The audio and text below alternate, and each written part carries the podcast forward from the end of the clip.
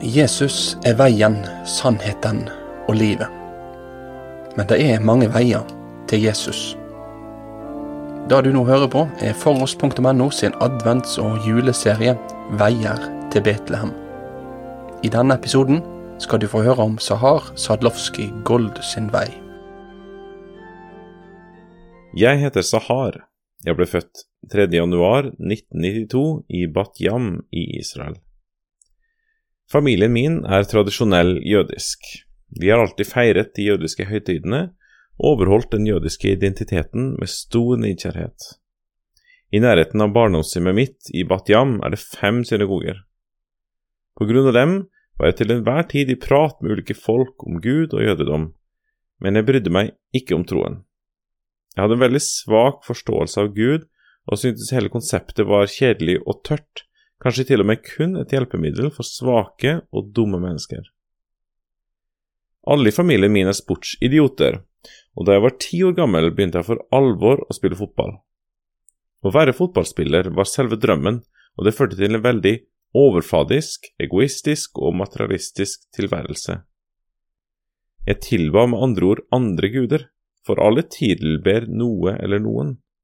Hvis du ikke tilber den sanne Gud, vil du tilbe noe annet, sånn som penger, sex eller ære. Som Martin Luther sier, det som du fester hjertet ditt ved, og som du stoler på, det er din egentlige Gud.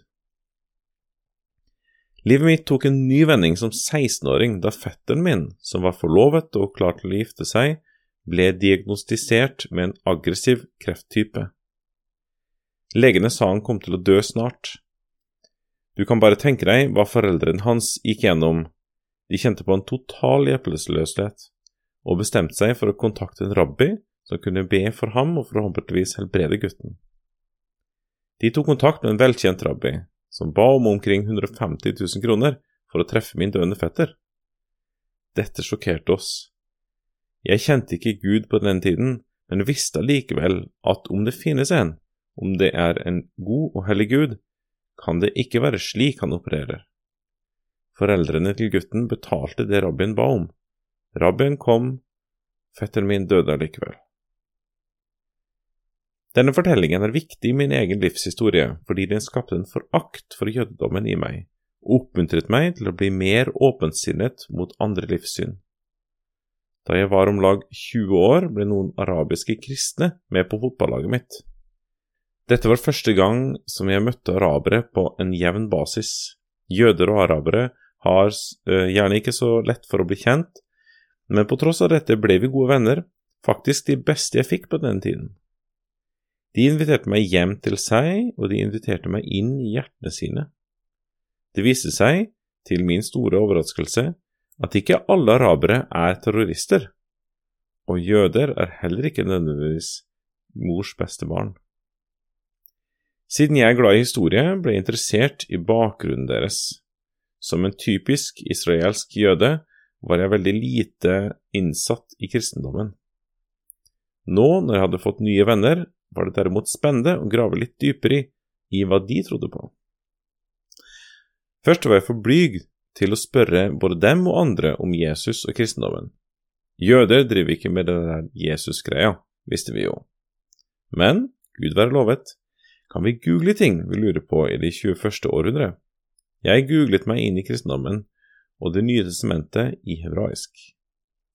Før jeg begynte å lese, forventet jeg å finne en antisemittisk bok og en rekke vestlige historier om julenissen og andre ting israelere gjerne tror kristendommen består av.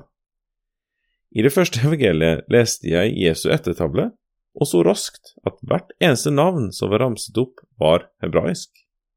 Utrolig merkelig. Så fortsatte jeg lesningen, og forsto at vi befant oss i Det hellige land, ikke i Vatikanstaten. Evangelisten skrev om Messias og himmelens rike.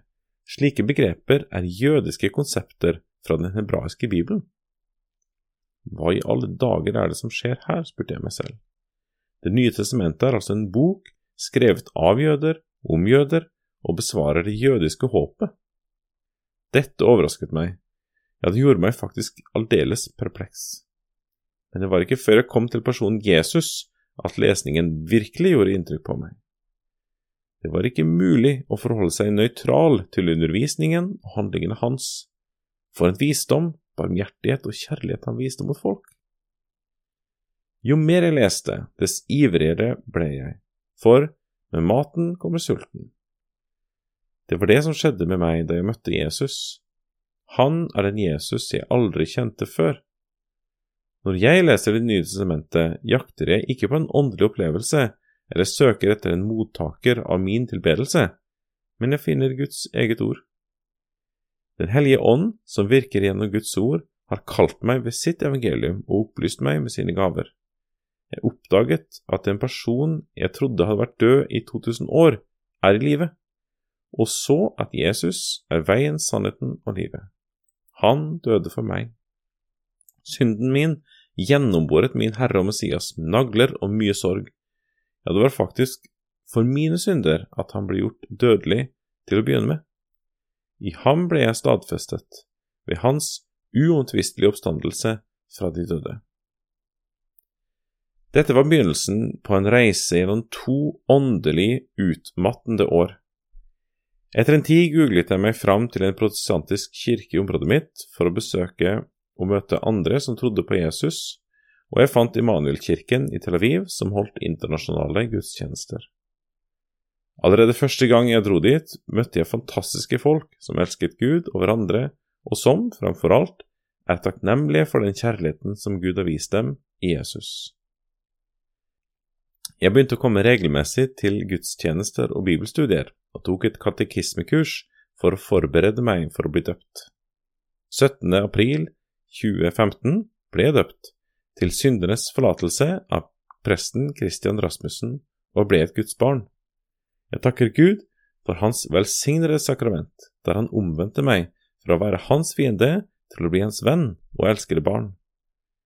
Jeg kan alltid tenke tilbake på dåpen min og huske at Gud der og da tok meg inn i sin familie til den verdensvide kirken, som er det nye Israel. Etter en tid ble jeg interessert i luthersk lære. Årsaken er at jeg begynte på en israelsk evangelikal bibelskole, og innså at de underviste enkelte ting ganske annerledes enn det jeg hadde lært hjemme i kirken, selv om heller ikke den fullt ut var luthersk undervisning og praksis. Dette utfordret meg til å utforske luthersk teologi ettersom jeg ikke var vel bevandret i temaet. Gjennom en kjær eh, dansk venn som er en luthersk pastor, fikk jeg øynene opp for den unike innsikten som luthersk lære har når det gjelder å skille mellom lov og evangelium, samt en Kristus-sentrert lesning av Skriften. I fortsettelsen møtte jeg Maria, som skulle bli min svenske elskede kone. Hun introduserte meg til konfesjonelle lutherske sirkler i Europa, og da særskilt misjonsprovinsen i Sverige. For meg var det å oppdage konfesjonell lutherdom nesten som en gjen gjenfødelse. Skjønnheten og trøsten i sakramentene, liturgiens eleganse og den holistiske opplevelsen av evangeliet som var med i alle komponenter, åpnet øynene mine for evangeliet på en helt ny måte og har til denne dag gitt meg en visshet om Guds løfte til meg på en helt ny måte. Hvis vi spoler frem til i dag, kan jeg fortelle at Gud har lagt på misjonsprovinsens hjerte i Sverige, så vel som hos andre europeiske og amerikanske kirker, et ønske om å støtte misjonen til det jødiske folk. Jeg har nå blitt en prestekandidat i misjonsprovinsen i Sverige, og i løpet av det neste halvannet året håper vi å plante den første konfesjonelle lutherske kirken i Israel, hvor Guds ord kan forkynnes kjærlig, klart og rent til israelske jøder, og hvor sakramentene kan forvaltes og feires.